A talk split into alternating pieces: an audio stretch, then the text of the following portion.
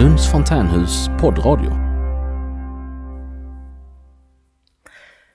De brydde sig inte om vilka sjukdomar jag hade utan ville mer bara att jag skulle känna mig som hemma.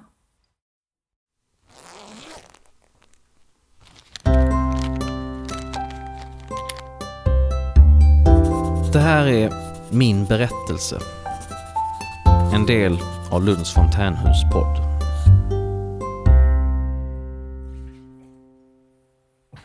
Hej, jag heter Karin.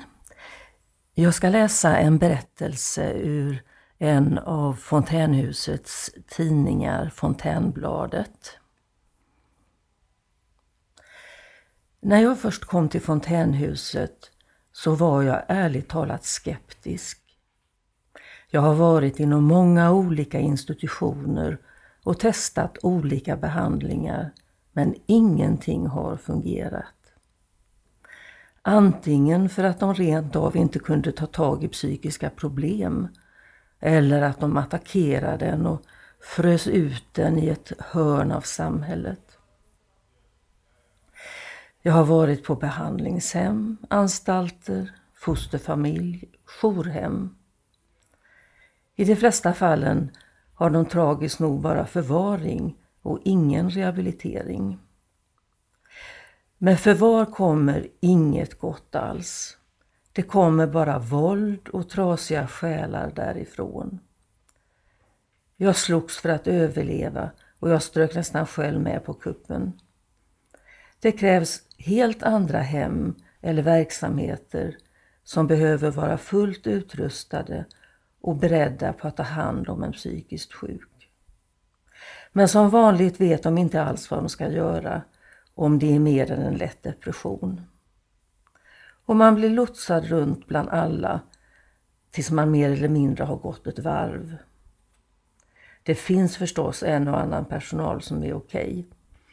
Men sedan finns det inte resurser och så det är oftast väldigt stressat och så ska man inte vara där så länge. Det är en tragedi att ett sådant land som Sverige bedriver denna vanvård som bara kostar pengar och skadar människor. Men tillbaka till fontänhuset och det där att jag kände mig lite skeptisk. Jo, det släppte rätt snabbt.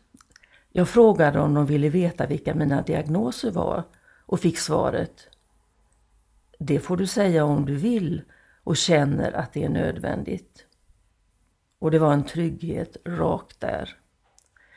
De brydde sig inte om vilka sjukdomar jag hade utan ville mer bara att jag skulle känna mig som hemma och att jag skulle kunna få ett bättre liv med mer livskvalitet genom en arbetsgemenskap.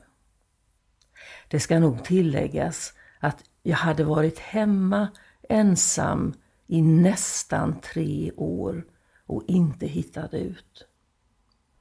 Så att kunna känna sig säker, det var något nytt och väldigt skönt. Jag går nu till fontänhuset så gott som varje dag.